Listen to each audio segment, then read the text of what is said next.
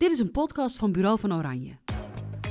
In de podcast Sprekersgilde gaat Maurits Ouweneel in gesprek met de beste sprekers en dagvoorzitters van Nederland. Wie zijn deze mensen die dag in dag uit voor volle zalen staan en daar anderen weten te inspireren en motiveren? En wat heeft hen ooit geïnspireerd om dit te gaan doen? In deze aflevering een gesprek met Erik Pekel. Welkom uh, Erik in de podcast van de Sprekersgilde. Dankjewel Maurits, superleuk. Je hebt een van de opvallendste bedrijfsnamen die ik ken. AHA, Bureau voor Live Communicatie, waarbij AHA is geschreven met vier A's. Kun jij de jongere luisteraar uitleggen waarom je hiervoor hebt gekozen? Nou, toen ik mijn uh, bureau uh, startte, uh, toen was de Gouden Gids nog heel belangrijk om gevonden te worden. Zeker als mensen dus iets organiseren, dan pakten ze die gids erbij en dan gingen ze kijken van... hé, hey, wie kan dat programma invullen? Wie kunnen we inhuren om ervoor te zorgen dat het allemaal goed komt? En uh, mijn redenatie was: mensen die bellen een keer bovenaan die lijst, een keer onder en een keer in het midden.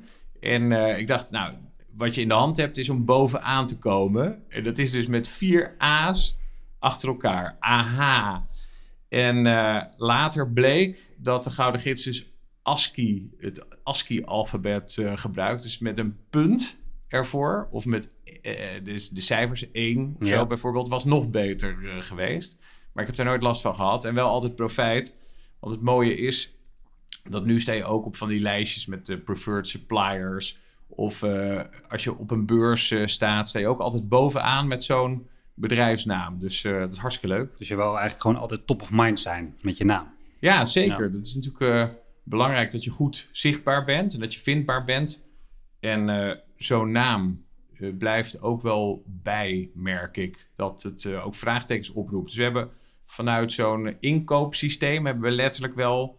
Uh, tenminste, ik heb een keer iemand aan de lijn gehad die uh, zei van. Uh, ja, dat popte steeds op in mijn beeldscherm. En ik vroeg me af, wat is dat nou voor partij? Toen heb ik de website erbij gepakt. En blijkt dat ik dat ook net nodig heb, wat jullie dus invullen. Dus ja, zo, zo, zo kan het lopen. Heel het werkt, het werkt. Precies. Hey, voor het eerst voor mij uh, oppopte, was dat jij uh, meedeed met een uh, tv-programma. volgens mij heette dat Superster, dat, dat programma. Volgens mij werd je daar tweede. Welke ervaring heb je daar opgedaan waar je nu nog steeds profijt van hebt? Ja, dat was dus een soort idols bij de Tros, gepresenteerd door Reinhard Oerlemans. En het was een zoektocht naar een nieuwe presentator voor de Tros. En echt zo'n afvalrace. En ik bleef dus tot en met uh, de finale erin. En Angela Sayas die won die competitie. Dat vond ik toen natuurlijk super jammer. Ik had hem heel graag gewonnen. Maar het was een heel mooi avontuur. Omdat je natuurlijk steeds andere opdrachten kreeg. Dus de ene keer ging ik een reportage maken. En de andere keer presenteerde ik een spelshow. En um, het is gewoon heel leuk om zo uitgedaagd te, te worden voor groot televisiepubliek om uh, ja, nieuwe dingen te ontdekken en te verkennen waar je kracht ligt. Wat je, wat je ook goed, goed kunt doen, wat je leuk vindt om uh, te doen als uh, presentator. En wat heb je daar geleerd, wat je, wat je nu nog steeds in de praktijk brengt? Um, ja, ik denk vooral de, de voorbereiding heel serieus nemen. Dus als je zo'n heel groot publiek hebt, hè, dan wil je natuurlijk echt scoren. Je wil dat het goed is en... Uh, zeker omdat het ook een wedstrijd is. Hè. Iedere week uh, vliegt er eentje buiten. Mm -hmm. En uh, dan ben je dus eindeloos aan het poetsen, aan het schaven, aan het kijken van... is het goed genoeg wat ik nu heb staan of moet er nog een tandje erbij? En ja, dat pas ik nog steeds iedere dag in mijn praktijk toe. Kijk, en die praktijk die bestaat al een tijdje. Eind jaren negentig heb jij het bureau op, opgericht en ben jij um, actief eigenlijk nou ja, als dagvoorzitter, maar je hebt eigenlijk nog een hele dienstverlening om jouw bureau uh, erbij. Daar gaan we het straks nog eventjes uh, over hebben. Kun jij eens ons meenemen hoe jij ooit dagvoorzitter bent geworden? Ja, dat is wel een grappig verhaal. dat is ook trouwens een, vraag die veel gesteld wordt. Hè? Hoe word je nou dagvoorzitter? Bij mij is dat heel toevallig, ben ik daarin gerold. het begint al een hele tijd geleden. Mijn broertje die werd vijf jaar oud. Ik was 2,5 jaar ouder. Mijn moeder die vroeg toen, kun je dat kinderfeest organiseren? Dat heb ik gedaan. Had ik heel programma samengesteld. Uh, natuurlijk ook zelf uitgevoerd. Met de poppenkast zat erin. Wat goocheltrucs, meeleven, avontuur. Uh, ballonfiguren nog niet. maar dat kwam later ook erbij. En op dat feest werd ik meteen teruggevraagd. En dat werd dus zo'n heel circuit van kinderfeesten, later wat grotere podia. Toen was er al snel in mijn studententijd een uh, vader bij zo'n kinderfeest. En die uh, werkte bij een grote corporate. En die zei: Ik zie dat jij iedereen meekrijgt. En dat lukt mij in mijn team niet zo goed. Ik heb binnenkort een afdelingsdag. Wil je jouw talent inzetten in mijn bedrijf? En nou, dat heb ik met beide handen aangegrepen. Ik studeerde toen bedrijfskunde. Dus het leek me ook echt tof om te kijken van hoe kun je nou die doelstellingen vertalen in een programma wat activeert, maar wat vooral ook echt heel leuk is. Dat mensen ja, duidelijk uh, meekrijgen wat de bedoeling is. En dat ze er ook zin in krijgen om daarvoor in beweging te komen. Uh, toen heb ik dus een act bedacht als een uh, hele jonge professor. Ik was ook 18 toen. En dat was eigenlijk zo lachen. Dat was zo leuk om te doen. Maar het werkte ook zo goed dat ik er veel op werd teruggevraagd. Ik denk dat ik het wel drie of vierhonderd keer heb gedaan, die act. En dan steeds echt over een ander onderwerp, een andere doelstelling. Maar ik werd ook uh, teruggevraagd door partijen die dan zeiden van nou, eh, die act, dat weten we nou wel, hè, dat heeft iedereen al gezien. Maar je hebt de vorige keer daarna ook nog even een brainstorm uh, begeleid. Of je hebt daarvoor ook onze directie geïnterviewd. Kan je dat niet gewoon doen? Dus laat die act maar thuis en kom ons gewoon helpen om dat programma in goede banen te leiden. En dat is het begin geweest van de rol die ik ja, nu nog veel uh, vervul. Dus je hebt eigenlijk heel veel vlieguren gemaakt. Al vanaf jonge leeftijd, feesten en partijen, ex, ballonnen vouwen uh, en, uh, en, een act. om daarna pas eigenlijk serieus dagvoorzitter zoals we je nu kennen te worden. Ja, ik denk dat het in heel veel loopbanen zo gaat dat van het een het ander komt. Zolang je nieuwsgierig blijft en ja zegt, ook, op, op, ook, op, avont ook tegen avonturen waarvan je denkt van nou, ik weet helemaal niet zeker of ik dat kan dan kun je volop blijven ontwikkelen. En dan kom je van het een, uh, ja, rol je letterlijk door in het ander. Wat is jouw definitie van een goede dagvoorzitter? Ja, ik denk dat een goede dagvoorzitter heel uh, dienend uh, is. Dus geen ego meeneemt, maar vooral kijkt hoe kan ik ervoor zorgen dat deze mensen eigenlijk op een andere manier die zaal die dag weer uh, verlaten. Dus dat je ze echt bedient, dat je ze helpt om eruit te halen wat er voor hun in zit. En dat begint uh, bij hele goede voorbereiding. En als ik me voorbereid, kijk ik, vooral, kijk ik vooral altijd heel goed naar de drijfveren van de mensen die samenkomen. Dus ik ben altijd heel benieuwd, wat houdt die mensen bezig? En uh, waar willen ze naartoe bewegen? En hoe helpt het programma daarbij, zodat ik de juiste context hè, de sprekers in de juiste context kan plaatsen, maar ook activerende oefeningen kan doen uh, tussendoor. Hè. Bijvoorbeeld mensen kleine groepjes laten maken en even de brug laten slaan naar hun eigen praktijk. Dus dat ze letterlijk even met elkaar bespreken. Nou, wat je nu hebt gehoord, wat neem je nou mee? Hoe pas je dat toe in je eigen praktijk? Wat ga je daar verder mee doen? En um, ja, ik, ik, ik denk dat het dus belangrijk is voor een goede dagvoorzitter om daarover na te denken. Dus niet alleen maar introducties en uh, vraag en antwoord. Maar eigenlijk verder dan dat, hoe spreekt het tot de verbeelding en hoe sla je de brug uiteindelijk naar de werkelijkheid? Ja, ik noem dat eigenlijk een beetje dagvoorzitter plus, hè, wat jij doet. Je hebt natuurlijk dagvoorzitters die gewoon technisch die dag uh, het programma gewoon uh, goed doen. Hè, het afkondigen, nou, een interviewtje. Maar jij denkt eigenlijk heel erg mee om ja, die dag een heel groot succes te maken met al die werkvormen. Hoe ben je ooit gekomen om die werkvormen toe te voegen aan jouw rol als dagvoorzitter? Ja, dat is ooit gewoon een keer begonnen met een opdracht die ik kreeg van Rijkswaterstaat. Die hadden een grote projectdag. En die hadden zelf al bedacht dat het belangrijk was dat mensen gewoon met elkaar uitwisselen. En uh, daar heb ik toen uh, een vorm aan uh, gegeven, eigenlijk een hele eenvoudige vorm. En dat noemde ik toen de super brainstorm. Maar het hele gegeven dat mensen samenkomen met al hun expertise, hun ervaring, maar ook hun, uh, hun uitdagingen. En dat je dat met elkaar uh, verbindt, dat levert natuurlijk super veel op. Het is eigenlijk heel gek dat op al die programma's allemaal vakinhoudelijke mensen samenkomen die al heel veel weten, al heel veel kunnen. En dat er dan zoveel gezonden wordt alleen maar hun kant op. Hè? Ik denk echt dat dat dus een onbenut potentieel uh, is. En dat dus die, die, die super brainstorm die ik toen voor Rijkswaterstaat uh, maakte, heb ik ook weer voor Rijkswaterstaat vaak kunnen, kunnen toepassen. Maar ook veel breder in de markt gezet, eigenlijk als een, uh, als een product, als een oplossing. En dan merk je dat het activeren heel veel doet, heel veel brengt.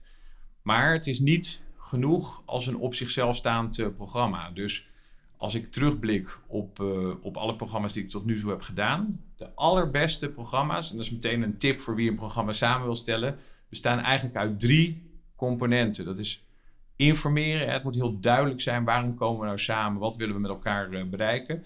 Inspireren, er moet altijd een fris geluid komen van buiten. Liefst, weet je, iets, iets waar, wat je echt aan het denken zet of uh, weer op nieuwe mogelijkheden brengt. En in die laatste, dat wordt dus naar mijn mening te veel overgeslagen. Activeren. Je moet mensen meteen ter plekke de gelegenheid geven om de volgende stap te zetten. Om door te denken van wat kan ik hiermee? Wat moet ik hiermee? Wat wil ik hiermee? En daar heb je ontzettend veel vormen in. En uh, ja, ik verzamel die vormen en ik pas ze dus heel graag uh, toe. En de meeste hoeven helemaal niet zo heel veel tijd te kosten. Het kan ook ja, gewoon heel, heel simpel en heel kort. Maar biedt die mensen de gelegenheid om dat ter plekke te doen. Want ja, het is echt gemiste kans als je ze aan hun lot overlaat en denkt: oh, dat bedenken ze de volgende dag wel. Of onderweg uh, naar huis. Want ja, dat, dat, dat gebeurt niet. Want de volgende dag peilt die mailbox uh, weer uit. En is het gewoon terug naar de orde van de dag. Echt zonde. Jij uh, ziet dat potentieel dus heel erg bij die deelnemer. En dat is natuurlijk een potentieel wat, uh, wat heel veel andere sprekers en dagvoorzitters eigenlijk laten liggen. En dat is echt wel iets wat jou onderscheidt, denk ik. En een ander ding wat jij uh, uh, in dit verlengde deed, is dat jij ooit een boek hebt geschreven, het evenement dat niemand wil missen. Hoe organiseer je dat? Daar is een, een tal van tips uh, eigenlijk in voor programmamakers en organisatoren. Hoe ben je ooit tot het schrijven van dit boek gekomen? Ja, dat is een heel grappig verhaal. Ik heb veel programma's gemaakt voor Nijrode. En die hadden niet uh, altijd het budget om die uh, programma's uh, te laten maken. En toen zei ik, nou, dat maakt eigenlijk niet zoveel uit. Want misschien kan ik dan gewoon het, kasteel een keer gebruiken voor relatieontvangst. Weet je wel, kunnen we wat barteren in die zin. En toen had ik op een gegeven moment wat credit opgebouwd. Dus ik kon een paar keer dat kasteel benutten. En daar heb ik toen opdrachtgevers samengebracht met gewoon een leuke lunch erbij om te praten over het vak. En uh, toen dacht ik, dan moet ik daar wel een beetje structuur in aanbrengen. Dus ik had dan vier centrale vragen van wat kun je doen in je programmering en in je voortraject. Hè? Hoe zorg je dat er een ijzersterk uh, programma staat? Maar ook uh, specifiek, hoe breng je mensen in het programma? Hoe kun je die activeren? Hoe breng je ze met elkaar in gesprek? Zorg je dat, je, dat ze nieuwe contacten, nieuwe ideeën opdoen? Maar ook hoe zorg je voor dat netwerken in een, in een borrelsetting? Hoe, hoe zorg je dat dat werkt? En tot slot het natraject. Hoe kun je meer mensen bereiken uh, die uh, er misschien niet eens bij waren? Of hoe kun je mensen na afloop nog helpen om de volgende stap te zetten vanuit het programma wat je hebt georganiseerd? Nou, dat was eigenlijk zo leuk om dat te doen. En het leverde ook heel veel mooie inzichten op. Iedereen kwam er heel blij altijd uit uit die sessies. Gewoon simpelweg het delen, het uitwisselen met elkaar. Gewoon in gesprek in kleine groepjes. En dan de meest bijzondere vondsten, ideeën eh, breder delen. Dat heb ik toen voortgezet in het World Forum hier eh, in Den Haag op een wat grotere schaal. Dus eh, ja, nog steeds vanuit mijn relaties. Maar dat waren dan niet meer per se opdrachtgevers, maar gewoon heel breed. Iedereen uit de branche was heel welkom om mee te denken, mee te delen. En ook om, die, om te oogsten, hè? om die ideeën mee naar huis te nemen. Ja, en dat heet het evenement dat niemand wil missen. Hoe organiseer je dat? En er kwamen zulke leuke, waardevolle tips uh, naar boven. Dat uh, mensen zeiden ook van ja, wat we hier uh, horen, wat we hier leren, heel praktijkgericht. dat komen we verder komen we dat nergens tegen. Kun je dat niet bundelen in een boekje? En dat heb ik toen gedaan. En ja, daar was iedereen heel blij mee. En dat uh, wordt, wordt nog steeds ook in opleidingen gebruikt. Uh, hartstikke tof. En ik kan me ook herinneren dat uh, ik sprak in een eerdere podcast een keer met, met, met Jos Burgers. En die, die, als hij op een podium staat, dan zegt hij: joh, ik heb twee, twee dingen die echt heel fijn zijn. Is A, mijn boeken worden heel goed verkocht, maar heel slecht gelezen. dat is een grapje wat hij laat vallen. maar het voordeel is, zegt hij, ik word altijd wel weer uitgenodigd om het boekje dan hier op podia uit te leggen.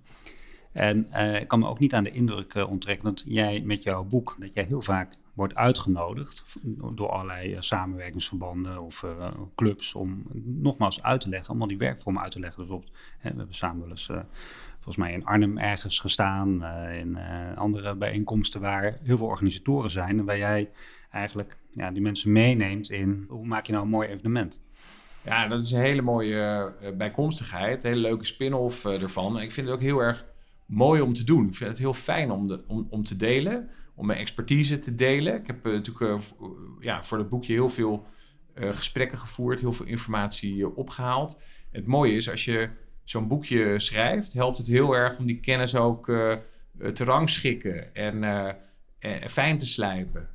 En het, ja, het is prachtig om, dat, uh, om, om die cadeautjes als het ware uit te kunnen delen aan uh, mensen. En je ziet gewoon dat ze blij, blij van uh, worden. Heel tof. Wat heeft het jou opgeleverd qua werk? Want qua voldoening is het mij wel duidelijk. Je loopt hier te glimmen voor de luisteraar. Maar wat heeft het jou opgeleverd als, als vakman, zeg maar? Ja, kijk, als je die dingen op een rij zet, dan helpt het je ook om beter te adviseren. Dus wat mensen van mij zien als dagvoorzitter op podium, dat is eigenlijk een beetje het tipje van de ijsberg. Ik vind het juist heel leuk als ik in een uh, vroeg stadium word uh, ingeschakeld. Om uh, juist ook over die hele organisatie mee te denken. Van, en, en, dat gaat echt heel ver. Dus ik deel wel eens van die tips uit. Dat heb ik dan toevallig voor dat boekje opgehaald. Van dat als je relaties ontvangt, print dan die badges uit op uh, alfabetische volgorde van, van, de organisatienaam. En zorg dan dat, uh, want heel vaak komen er twee of drie mensen tegelijkertijd binnen van die ene organisatie, weet je wel. Dus dan hoef je niet twee of drie van die badges op te zoeken. Die liggen gewoon uh, bij elkaar. Dus zover gaat zelfs mijn advies, maar ook over, de, over, over belangrijkere dingen. Als de timing van, het, van het programma. Dat je vooral niet te veel in een programma moet stoppen. En ehm, ja, het helpt me dat ik dat boek heb geschreven om, ehm, om die adviezen ja, nog overtuigder uh, te geven. Want dan zeg ik van ja, weet je wat je er verder mee doet, moet je zelf weten. Maar ik ben niet de enige die dit vindt. Ik heb dit opgehaald uh, uit de brainstorm uh, sessies met meer dan 1200 organisatoren die dus hun slimste ideeën op een rij hebben gezet. Nou, kan je eigenlijk zeggen dat het jou een bepaalde legitimiteit geeft om, uh, om uh, als, je dat boek, als je een boek hebt geschreven? Ja, dat denk ik wel. Zo, zo, zo nut ik dat verder niet uh, uit. Dus alle adviezen die ik geef, die zijn altijd wel echt heel vrijblijvend. Ik vind het ook helemaal niet erg als mensen overwogen een andere keuze maken. Hm. Hey, nu sta jij bekend om je enorme kennis van heel veel onderwerpen. Of het nou een pensioencongres is, of een overheidscongres, of een onderwijscongres, of een zwembadcongres, of noem het maar. Uh, jij staat daar als een kundige dagvoorzitter die zich heel goed heeft ingelezen. En wat ik mij altijd eigenlijk afvraag, hoe haal je eigenlijk altijd die kennis bij? Ja, het is moeilijk om die kennis echt bij uh, te houden. Ik neem wel alles wat ik heb voorbereid, neem ik altijd mee, ergens achter in mijn hoofd. Dat is hoe mijn brein werkt. Weet je, ik, ik doe het niet als een kunstje. Maar ik ben oprecht heel uh, nieuwsgierig naar al die verschillende vakgebieden waarin ik uh, actief ben. Gelukkig hoef ik als uh, dagvoorzitter alleen maar de losse eindjes te verbinden. Dus ik hoef daar echt niet te staan als expert. Als ik maar goed begrijp wat er op dat moment echt leeft in het vak. En als ik maar goed begrijp waar mensen naartoe willen bewegen, dan kan ik gewoon heel goed de juiste vragen stellen. En sterker nog, het helpt vaak dat ik niet zo heel diep in hun materie uh, zit. Uh, want daardoor kan ik me echt verwonderen over uh, ja, zaken die, die nou eenmaal zo zijn. Hè? En dan zeg ik van ja, maar moeten we dat niet een keer doorbreken dan? Hè? Dus het, het helpt soms juist om hele frisse, goede vragen te stellen die mensen nog weer eens een keer aan het denken zetten. Ja, maar je moet wel de essentie van de, de dag goed begrijpen. En uh, ja, ik kan me herinneren dat dat bijvoorbeeld bij een pensioencongres waar hele moeilijke materie naar voren komt, waar zelfs Amerikaanse sprekers werden ingehuurd. jij exact weet waar die mevrouw het over heeft. eh, en ook nog in het speelveld eh, waar, eh, waar deze doelgroep eh, in zit. En dan jij toch daar de juiste vragen in weet, weet te stellen, zonder dat die eigenlijk zijn aangedragen door ja, de, de, de organisator. Hoe krijg je dat voor elkaar? Ja. Want dat vind ik dus een heel, heel erg knap eigenlijk. Nou ja, ik kan dus wel de juiste vraag eh, stellen, maar ik zou hem zelf over het algemeen niet kunnen beantwoorden. Dus eh, dat, dat gaat hem weer dus om eh, ja, de juiste voorbereiding. Dus het is echt niet zo dat ik stukken vreet. Hè? Dus ik ben niet eindeloos maar aan het inlezen ergens op of zo. Maar ik probeer wel te doorgronden wat er in het moment speelt. En eh, wat mensen bezig eh, houdt. En dat stelt me dan in staat om wel de juiste vragen te Ja, stellen. en is dat professionele nieuwsgierigheid wat je dan hebt eigenlijk? Nou, het is gewoon menselijke nieuwsgierigheid. Dus er, er zitten onderwerpen tussen. eh, Die, die komen dan voorbij. En dan denk ik, oh jee, wat, wat, wat gaat me dit brengen? Hè? Van, kan, ik, kan, ik, kan ik me hier wel in redden? Dus ik ga binnenkort weer een psychologencongres presenteren. Dat is echt een heel groot psychologencongres. En mijn vrouw is toevallig psycholoog. Maar dat heeft hier niks eh, mee eh, te maken. Maar ik denk, oh, weet je, als ik me, als ik me daar maar staande houd. Want ik- dat, is natuurlijk echt wel een stevige eh, studie. En een wereld op zichzelf. Met heel veel terminologie. En ehm, eigenlijk overal waar je aan begint. Is het, is, is, is het zo ontzettend interessant wat er allemaal speelt. En, hoe mensen bezig zijn met hun vak. Dat het werkt altijd heel aanstekelijk. Dus wat mij betreft is het geen professionele nieuwsgierigheid. Maar is het meer gewoon menselijke nieuwsgierigheid. Dat gewoon echt heel mooi is. Eigenlijk zoals je naar een goede documentaire kijkt. Hè, dat je kan invreten, dat je kan inleven in eh, wat mensen van de grond krijgen. Waar ze allemaal mee bezig zijn. En of dat dan eh, de pensioenwereld is of de zwembadbranche. Dat is allemaal echt heel eh, fascinerend. Het is heel erg leuk om je in te verdiepen. Hey, als dagvoorzitter heb jij een enorme verantwoordelijkheid. Hè? Je kan een dag eigenlijk eh, maken of breken. Hè? Ik bedoel, een slechte dagvoorzitter kan je, kan je dag gewoon eh, helemaal in de soep eh, gooien. Daar kennen we allemaal de voorbeelden wel van. Ehm, wat doe jij nou om scherp te blijven? Heb je wel eens last van stress? Doe jij sportieve handelingen? De, een sportje? Wat doe je? Ja, ik roei één keer in de week. Eh, dus ik heb, vroeger heb ik echt eh, veel eh, geroeid. Ook wel hard geroeid in mijn studententijd. En nu roei ik alleen nog op zondagochtend. En tussendoor nog wel eens op de roeimachine boven. En dat roeien doe ik met ja, echt een heel trouwe, mooie ploeg. Jongens die ik echt heel goed en lang al ken. En wat ik mooi vind is dat we dus op het water echt een hele andere wereld in glijden. Er glijdt echt alles ook van je af. Het is gewoon fantastisch mooi om te doen.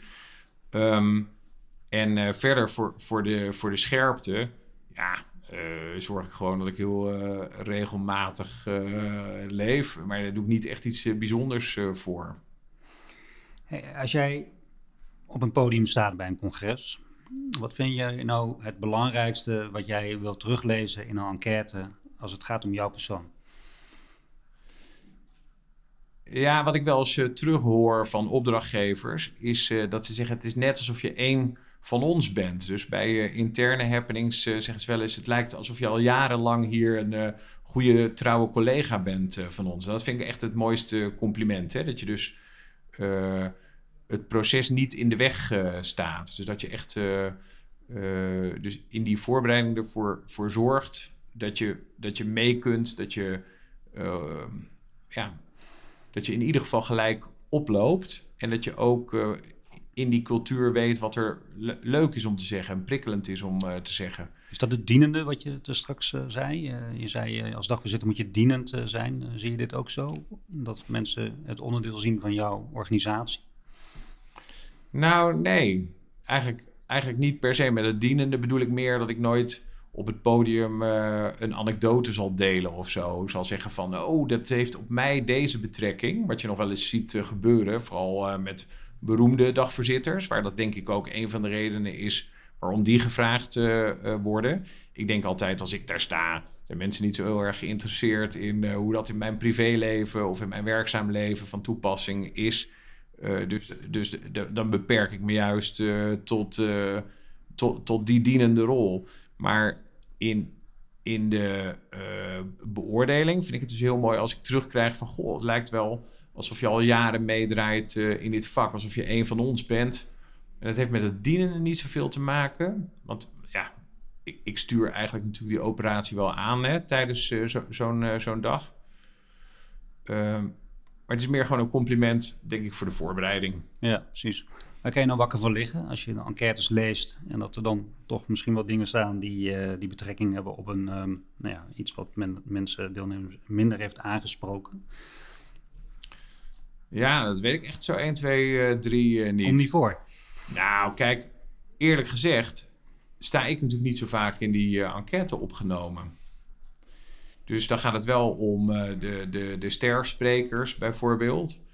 Uh, ik zeg ook wel eens tegen opdrachtgevers van waarom zou je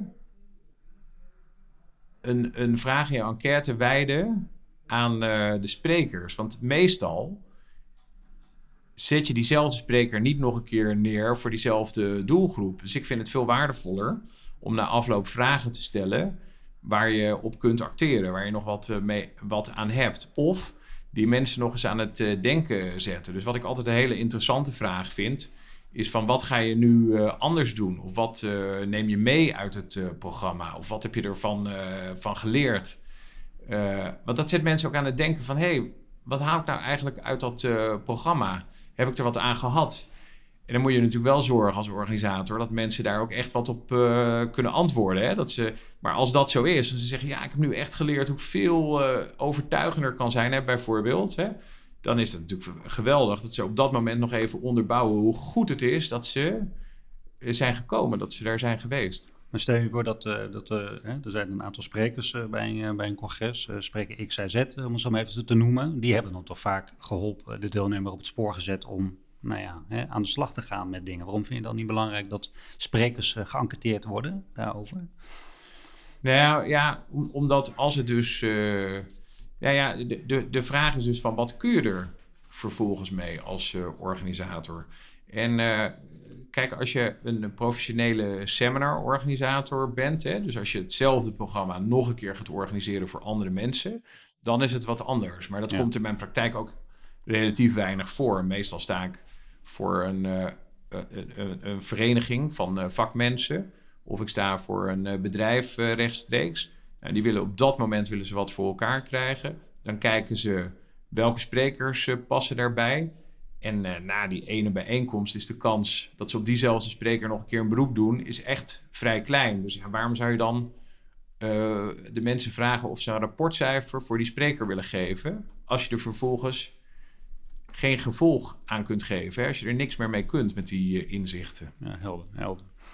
En nu ben je een dagvoorzitter hè, die, die zich op, met meerdere treinen uh, bezighoudt. Dus uh, het ging net al even over de, over de badges. Uh, maar je houdt je bijvoorbeeld ook bezig met nou, die werkvormen. Ehm, hou jij ook bezig met sprekers die mensen willen uitnodigen? Absoluut. En uh, ik heb ook uh, voor mijn boek heb ik een lijstje gemaakt met sprekers die ik zelf heb meegemaakt en die ik echt heel erg goed vind. Die heb ik dan gerangschikt op onderwerp.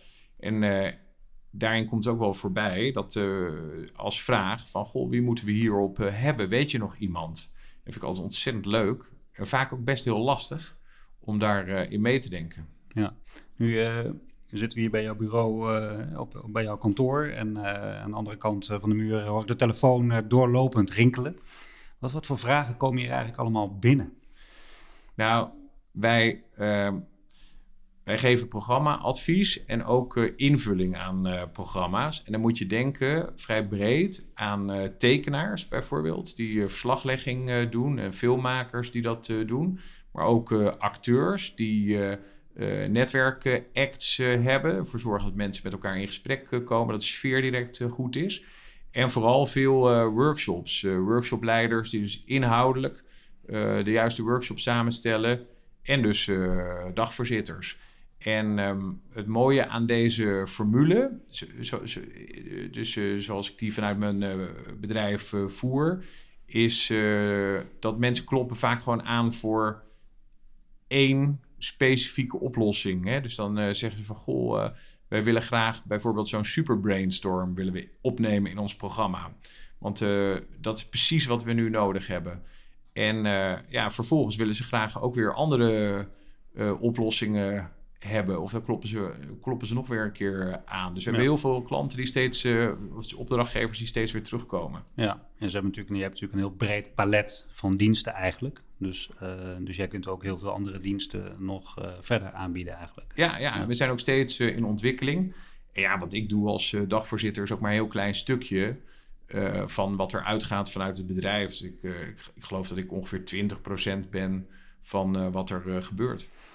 Hey, ik wil je graag eh, vijf korte vragen stellen die ik eigenlijk aan al mijn eh, gasten stel. Hoeveel uur schat jij in dat je al op een podium hebt gestaan? Ja, dat heb ik even snel uitgerekend. Dus rond de 1200 eh, kwam ik op uit. Wat is volgens jou de mooiste zaal van Nederland? Ja, ik vind de fabriek heel leuk in eh Maarsen. En dat is vooral eh, vanwege het hele circus eh, eromheen. Dat ze daar dus het leuk vinden om koekjes vers af te bakken. Dat ze met een soort snackwagen nog eh, staan bij vertrek om een kopje koffie voor onderweg eh, aan te bieden. Ja, ik vind dat geweldig. En natuurlijk eh, die hele industriële sfeer. Wat is het grootste publiek waarvoor jij hebt opgetreden? Ja, er waren zo'n eh, 800 eh, man, waar dat eh, voor een eh, dag een hele grote brainstorm. Welke dagvoorzitter raad jij meestal aan als je zelf niet beschikbaar bent? En Sophie van Hoytema vaak of eh Laureen Peskens. Welke vraag wordt je na afloop bij de borrel het meest gesteld? Ja, hoe word je nou dagvoorzitter? Kijk, daar is deze podcast nu ook een oplossing voor. Ja. Hey, welke bijeenkomst die jij hebt eh, gedaan, zou je eigenlijk nooit vergeten? Ja, die weet ik wel. Er was eh, het plan om eh, de Olympische Spelen naar Nederland te halen. En ik had voor mijn eigen relaties daar al een brainstorm over georganiseerd in de jaarbeurs. En toen werd ik door NOC-NSF gevraagd om dat nog eens te doen. voor zeg maar het congres wat over die Olympische Spelen naar Nederland, het Olympisch plan ging. Ja, dat was eh, ontzettend mooi om dat eh, congres eh, vervolgens helemaal te mogen leiden. Want dat was de vervolgvraag erop. En het was een geweldig podium, om- omdat er een hele brede groep samenkwam. Bedrijfsleven, gemeentes, provincies. Allemaal mensen die heel graag die spelen naar Nederland wilden halen. Wat blijf je dan echt bij, zeg maar? Het idee om de Olympische Spelen naartoe te halen? Of was er iets bijzonders wat er die dag gebeurde? Nou, het is altijd mooi om ehm, een rol te spelen wanneer mensen samenkomen die echt iets van de grond willen krijgen. En dat eh, is een soort vibe die dan meteen eh, in de lucht hangt, die, je- die je kunt voelen. Dus het is altijd mooi om ergens te zijn waar mensen samenkomen die ook heel blij zijn dat ze daar zijn. Dat is gewoon heel gaaf. Een lekker gevoel. Jij bent ook regelmatig te horen bij BNR in het ondernemerspanel. Hoe ben je daar zo bijgekomen? Ja, dat is heel toevallig eh, gegaan. Marijke Roskam die deed eh, veel eh, bij BNR. En zij is ook een hele goede collega dagvoorzitter. En toen ze daar nog iemand zochten voor in het ondernemerspanel... heeft zij mij gevraagd van... Goh, volgens mij is dat echt iets voor jou. En dat is een kans geweest die ik met beide handen heb aangegrepen. En ik doe dat met heel veel plezier. Je doet ook al een aantal jaren volgens mij. Ja, klopt. Maar ik weet niet precies hoe lang al. Volgens mij vrij lang, zolang wij elkaar kennen sowieso. En je noemde even Marijke Roskom. Heb je eigenlijk veel contact met andere sprekers en dagvoorzitters in, in, het, eh, in het vakgebied? Nou ja, Sophia en Laureen, die ik net eh, noemde, daar werk ik veel mee, ook in mijn eigen bedrijf. En ik heb eh, vooral dus in mijn eigen club heel veel contact, heel veel uitwisseling. Per programma kijken we ook van wie kan dit het beste aanpakken. We wisselen ook ideeën uit, dus over de werkwijze. En eh, ja, dat is ontzettend fijn natuurlijk om eh, te sparren, om eh, samen te kijken hoe, hoe je ja, allemaal er beter van wordt. Heeft iemand jou hier in het vak mee aan de hand eh, genomen? Je hebt er straks uitgelegd hoe je in het vak terecht bent gekomen. Maar is er uiteindelijk iemand geweest die zegt... Erik, we gaan dit nog beter doen en ik ga je daarbij helpen? Nee, ik heb eigenlijk dat, dat altijd zelf gedaan. En ik denk dat iedereen dat ook wel goed kan. Het is natuurlijk wel heel mooi als je een goede coach hebt. Ehm, wat ik steeds doe, is gewoon continu zelf evalueren. Dus iedere keer kijken, wat ging er nou heel goed? En wat moet ik eh volgende keer toch echt anders eh, aanpakken? Wat kunnen dagvoorzitters bijvoorbeeld van jou leren? Ja, ik denk dus dat eh, activeren. Dus gewoon iedere keer bedenken van hoe krijg ik die zaal aan het denken? Hoe zorg ik ervoor dat zij zelf even een momentje vinden waarop ze de volgende stap kunnen zetten voor zichzelf?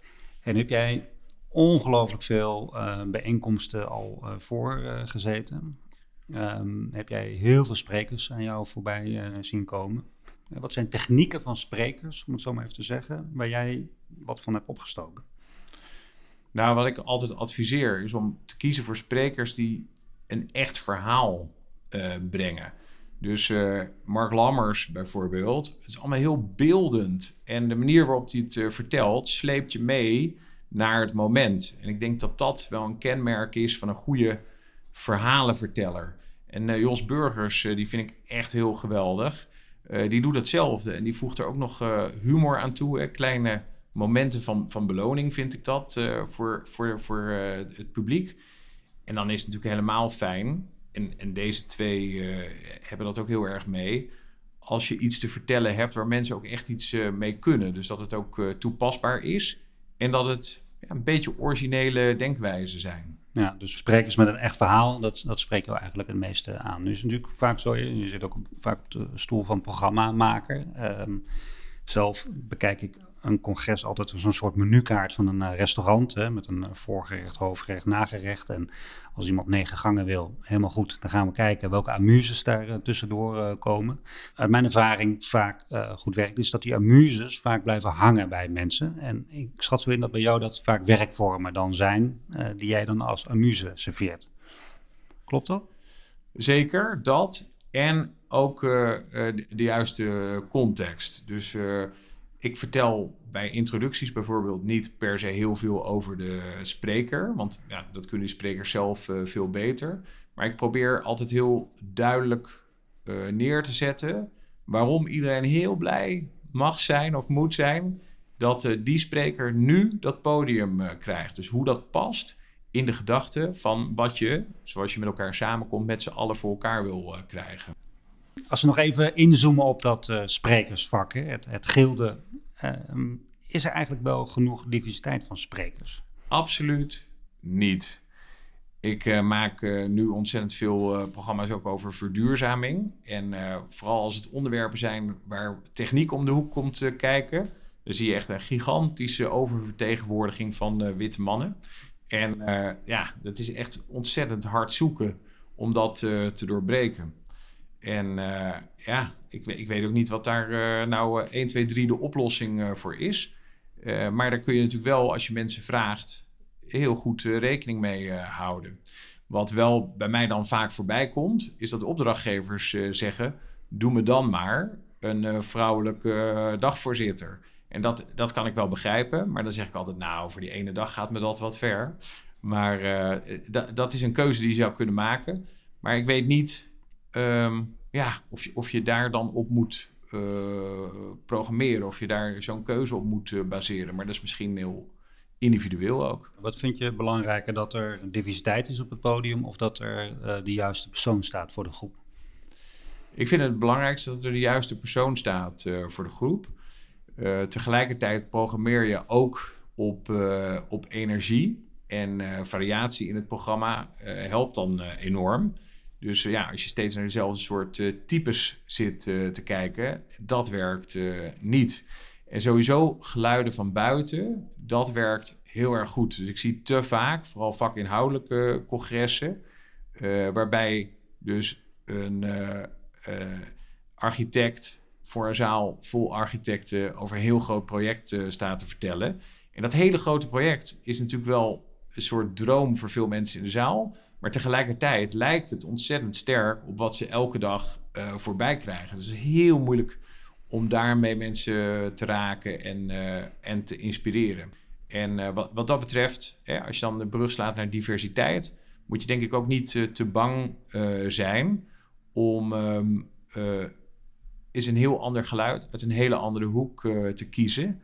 Dus als het gaat over verduurzaming, hoeft er helemaal niet per se hoeven er niet alleen maar technische mensen uh, aan het woord uh, te komen. Is het juist uh, heel leuk om een heel ander geluid van, van, een heel ander type ook juist neer te zetten. Het vak van dagvoorzitter, is dat een eenzaam beroep? Nee, helemaal niet. Want je hebt eigenlijk heel de tijd te maken met heel veel verschillende actoren. alleen in de voorbereiding, het echte werk is natuurlijk best ja, gewoon uh, teksten uitwerken en bedenken wat, de, wat de flow gaat zijn. Maar als alles samenkomt, is het eigenlijk een feestje. met heel veel verschillende mensen. En nu presenteer jij je als veelgevraagd dagvoorzitter. En, en, jij bent dat ook. Hè? Je hebt je carrière gestaag opgebouwd. Lange carrière eigenlijk al als, als professioneel dagvoorzitter. Um, door middel van social media zijn natuurlijk heel veel mensen die zich wat groter voordoen dan ze daadwerkelijk zijn. Hè? En die, die eigenlijk dan nog niet tot de top van Nederland behoren. Maar wel teksten gebruikt als, hè, teksten gebruiken als meest geboekt, uh, hoog geschardeerd, uh, gemiddelde cijfers van een 9,2 uh, op hun website neerzetten, terwijl we eigenlijk allemaal weten dat dat niet, niet kan. Wat vind je daar eigenlijk van?